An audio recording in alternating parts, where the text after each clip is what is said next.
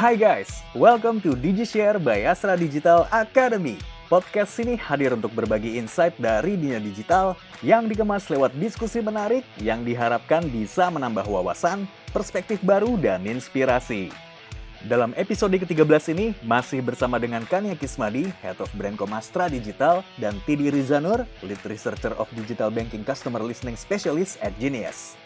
Kali ini kita akan melanjutkan diskusi mengenai tips dan trik untuk mengetahui produk seperti apa sih yang dicintai oleh konsumen. Langsung aja, let's hear them out.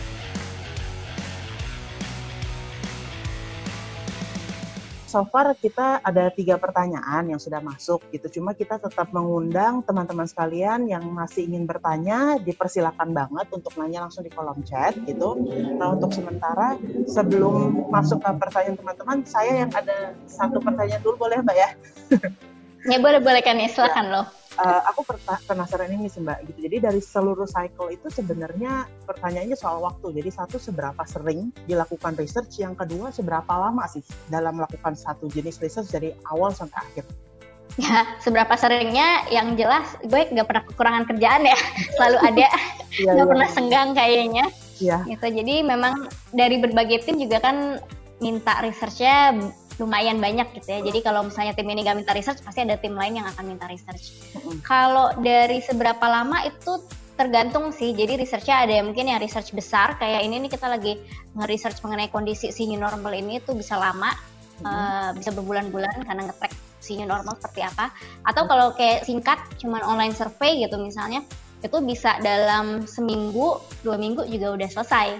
Gitu. Jadi tergantung tergantung ininya aja sih tergantung proyeknya seperti apa metodologinya gimana gitu uh, seminggu selesai itu artinya yang kayak benar-benar dari nyebarin uh, gather data analisa gitu mbak yes sekitar seminggu sampai dua minggu lah at least oke okay. Oke, okay. uh, sebenarnya banyak pertanyaan lebih lanjut, tapi ya udah aku tanya pertanyaan dari audiens dulu aja ya. Kalau nggak nanti baik baik baik. Pertanyaan dari aku banyak banyak keponya gitu. Oke, ini ada pertanyaan dari Hanan dari okay. uh, eh, Hanan atau Bu Hanan ini maaf saya kurang tahu gitu. Jadi pertanyaannya adalah untuk survei bagaimana perhitungannya supaya data yang dihasilkan cukup valid atau dapat dijadikan reference supaya tidak overkill tapi juga tidak kurang. Oke. Okay. Kalau dari kita sih uh, ini sebenarnya bisa subjektif juga ya, bisa untuk uh, pertimbangan masing-masing perusahaan juga. Kalau dari kita sih, kita nganggap 100 itu untuk online survey at least itu udah cukup karena memang online survey itu sangat susah untuk dapetin. Maksudnya sebagai customer juga pasti nggak suka dong kalau dibombardir survei kan ya. Hmm. nah kita ngelihat dari 100 itu biasanya 100 lebih 100 sampai 200 itu udah cukup merefleksikan gitu. Karena kita compare juga ke data behavior mereka itu cukup sesuai gitu. Jadi balik lagi ke mungkin database teman-teman sebesar apa atau sekecil apa gitu. Kalau kita sih rata-rata 100 tuh udah aman harusnya gitu dan itu biasanya status disebar ke jenis co-creator semua ya mbak? Mm, ada jenis co-creators, ada bahkan yang active user yang mungkin belum join ke jo, apa ke co-creators gitu. I see. Tapi kalau misalnya kebutuhannya mungkin benar-benar baru, bisa jadi juga uh, lemparnya ke user yang non genius user, apakah mungkin kayak gitu, mbak? Yang non genius user itu bisa, tapi kadang terkadang kita pakai vendor kalau non genius user. Ah. Kalau genius user kan kita bisa kontak sendiri gitu kan ya, karena ya. uh, nasabah kita. Iya, betul. Oke, okay, baik. Semoga menjawab ya uh, Hanan gitu uh, dari Mbak Didi. Kita masuk ke pertanyaan berikutnya. Ini ada Indra uh, Hardiana, Pak Indra Hardiana. Halo, saya Indra dari ACC hmm. mau bertanya, bagaimana caranya jika data yang dibutuhkan untuk research itu tidak tersedia selain melakukan lewat survei? Data, cara datanya yang dibutuhkan untuk research data apa nih kalau misalnya data kan dari konsumennya ya berarti apakah usernya nggak ada atau nggak ada cara untuk kontak ke user atau gimana? Hmm.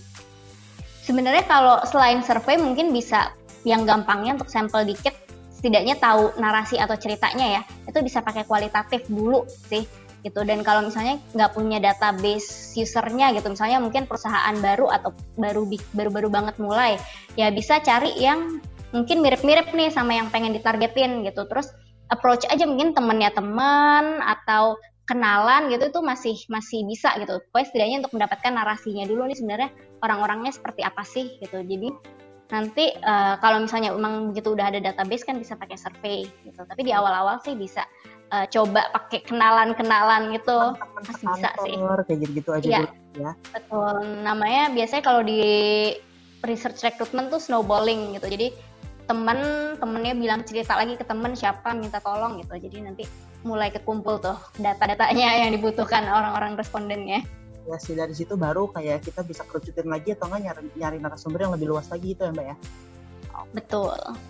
Berikutnya ada pertanyaan lagi dari uh, Gilbert Sinaga. Ini juga lumayan menarik pertanyaannya. Dalam memvalidasi suatu konsep atau improvement produk, hal-hal apa saja yang dilihat oleh tim research dalam menarik kesimpulan? Apakah berdasarkan data terbanyak atau ada standar lain? Dan bagaimana tim research menentukan uh, kesimpulan mana yang diprioritaskan untuk di-develop? Oke. Nah, kalau untuk uh, konsep gitu, kalau misalnya dari kualitatif tuh kita nggak nyari, of course nggak nyari majority ya, karena kualitatif itu kita cari uh, sebenarnya needs-nya teman-teman tuh seperti apa sih yang mungkin varies gitu ya, tapi mungkin needs yang paling banyak disebut itu yang mungkin berseragam gitu bisa sekali ini needs-nya bisa terpenuhi, bisa kill tuh semua pain points-nya segmen-segmen lain. Itu misalnya satu. Uh, kalau survei itu bisa majority, itu nah tapi kalau untuk mana yang bisa diprioritaskan itu biasanya kita juga ngobrol sama tim produknya gitu kan. Mungkin tim produk juga ada pertimbangan lain tapi kita akan menyajikan kalau user kita tuh butuh awalnya misalnya hygiene-nya gitu. Hygiene itu sesuatu yang nggak bisa dikompromi itu seperti ini gitu. Itu uh, faktor X misalnya hygiene. Tapi ada uh, faktor kayak satisfier juga. Jadi kalau ini ada itu kayak like nice to have-nya gitu. Mereka akan lebih condong untuk pakai itu bisa jadi prioritas nanti enhancement kedua misalnya gitu. Jadi uh, dilihat tuh di kita kategoriin mana yang emang hygiene harus ada hmm. mana yang kayaknya nice to have mana yang ya bisa nanti nanti nih bisa nanti nanti gitu keluarnya. Seperti itu. Seperti itu Gilbert. Semoga menjawab itu. Jawabannya udah sangat komprehensif banget Mbak Tidi nah Mbak, kita masih ada waktu, jadi kita lanjutin dulu ya pertanyaannya. Ini banyak pertanyaan baru muncul belakangan. Ada ada dua pertanyaan yang aku baca mirip-mirip nih, uh, dari uh, Hans Christian dan dari Yosef Arya Wicaksana. Uh, pertanyaan intinya adalah gimana jika kita melakukan research, kemudian research hasil research tersebut ternyata di luar skop bisnis kita, gitu atau nggak sesuai dengan arahan bisnis gitu. Gimana pernah nggak kejadian kayak gitu di jenis dan caranya gimana gitu? Solusinya gimana? Ya ya benar. Nah ini makanya yang namanya uh, harus diprioritaskan gitu kan. Hmm. Makanya harus ngobrol sama tim produk dan uh, relationship dengan tim produk juga harus baik supaya menyampaikannya bisa lebih enak gitu ya secara personal. Nah tapi kalau di saat-saat kayak oh tim produk bilang iya ini tapi belum jadi prioritas gitu. Nah biasanya kita akan ngetrack nih si sentimen ini apakah akan terus ada berulang di depan di ke depannya gitu kalau terus ada berarti kita bisa insist lihat nih si user ternyata memang masih insist gitu untuk si faktor X ini ada sentimen ini ada gitu. Jadi kita bisa nge-push di depan untuk enhancementnya berikutnya. Biasanya gitu sih kalau misalnya ternyata oh hilang nih berarti cuman kayak tren saat itu doang gitu. Berarti ya udah mungkin bisa kita lupakan dulu. Hmm, gitu. jadi, jadi di track aja dulu sentimennya. Untuk lihat seberapa kuat sih. Berapa lama biasanya mbak waktu untuk nge-tracknya itu itu bisa berbulan-bulan sih. Jadi emang kita liatin sekalian ngelihat si produknya itu mau kapan nih enhancementnya. Misalnya enhancementnya masih eh, enam uh, bulan ke depan ya udah kita track aja enam bulan ke depan tuh sentimennya berulang nggak sih dia pengennya itu. Nice. Oke. Okay. Oke, okay. pertanyaan berikutnya Mbak ada dari uh, Wolfgang Semandros. Dia bertanya, Sore Mbak, saya ingin bertanya, menurut pengalaman meriset untuk mengembangkan sebuah produk atau ide, hal remeh apa yang pernah dikulik atau dicari tapi sebenarnya bisa signifikan? Dari kacamata industri, hal remeh ini mungkin terdengar lucu, tapi sebenarnya insightful dan punya impact besar untuk mendukung ide.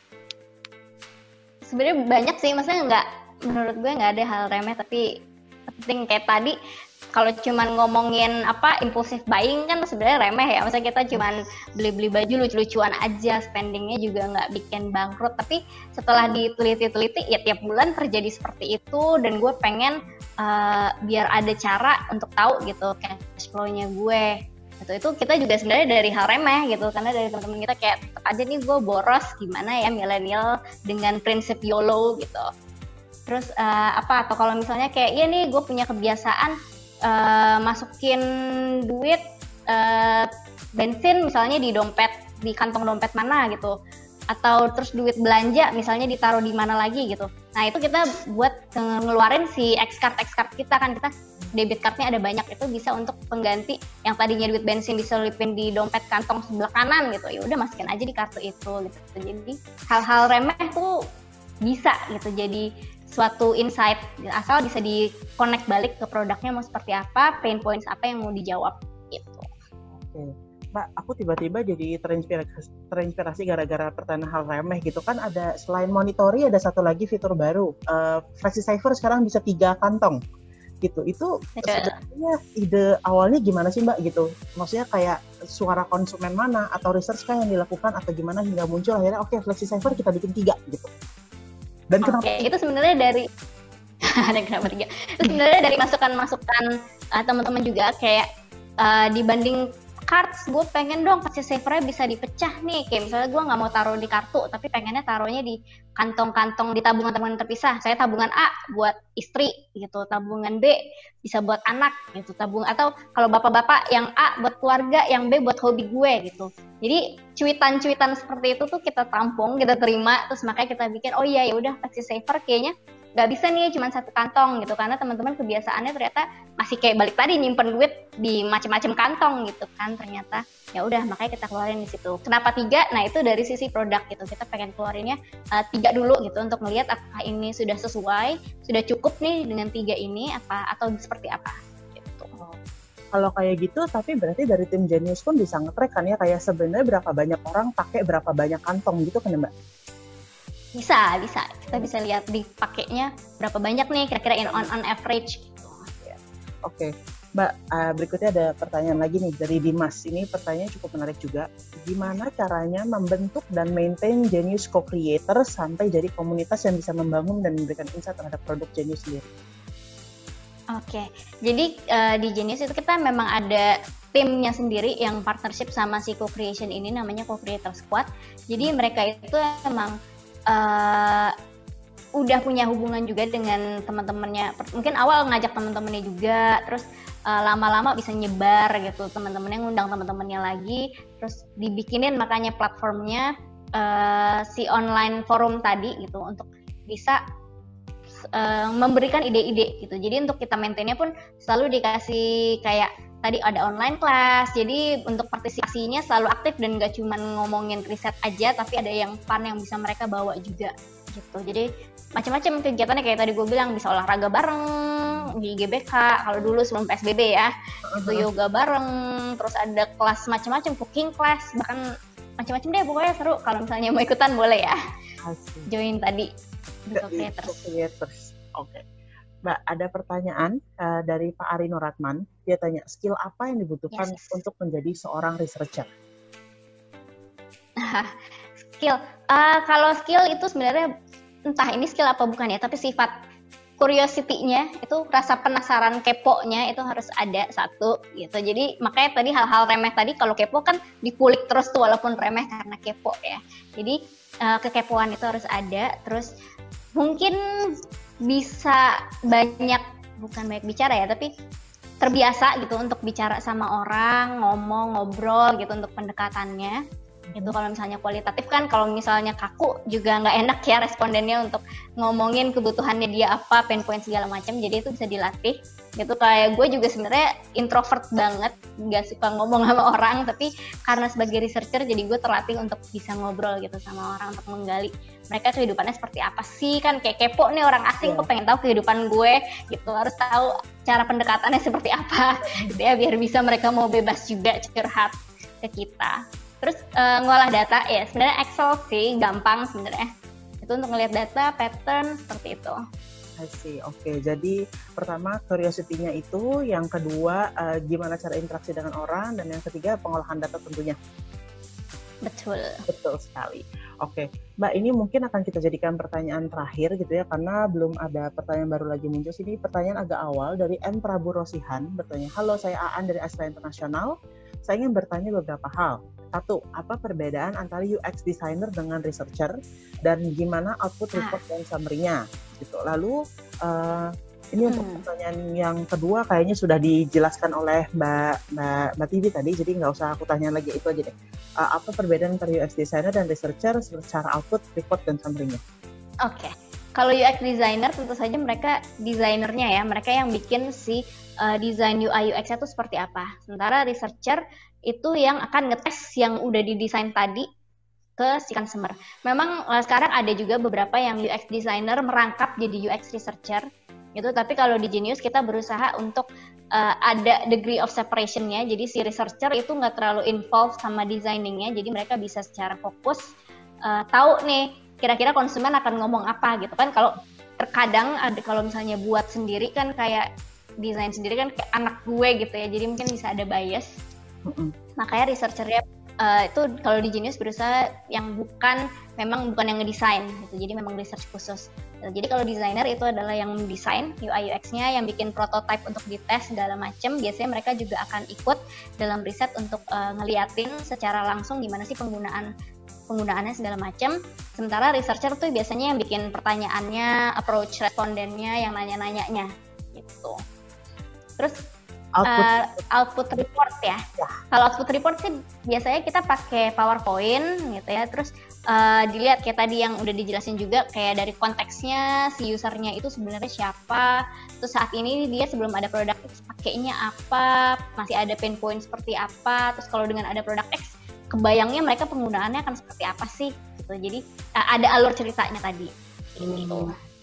Masih sebenarnya tipis-tipis lah ya bedanya lah ya gitu. Cuma yang satu lebih ngedesain, yang satu mencari tahu sebelumnya untuk menghasilkan wujud desain itu gitu. Kurang lebih kayak gitu ya Mbak ya.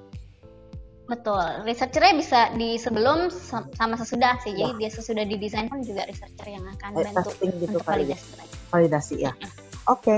Jangan lupa follow juga channel Astra Digital Academy di Spotify supaya kalian terus update dengan episode terbaru dari kami. Follow juga akun media sosial kami di Instagram dan YouTube di akun at Astra Digital. Kunjungi juga website Astra Digital untuk nambah insight dan perspektif baru serta update terkini dunia digital lewat artikel-artikel menarik yang ada di dalamnya. See you on the next episode.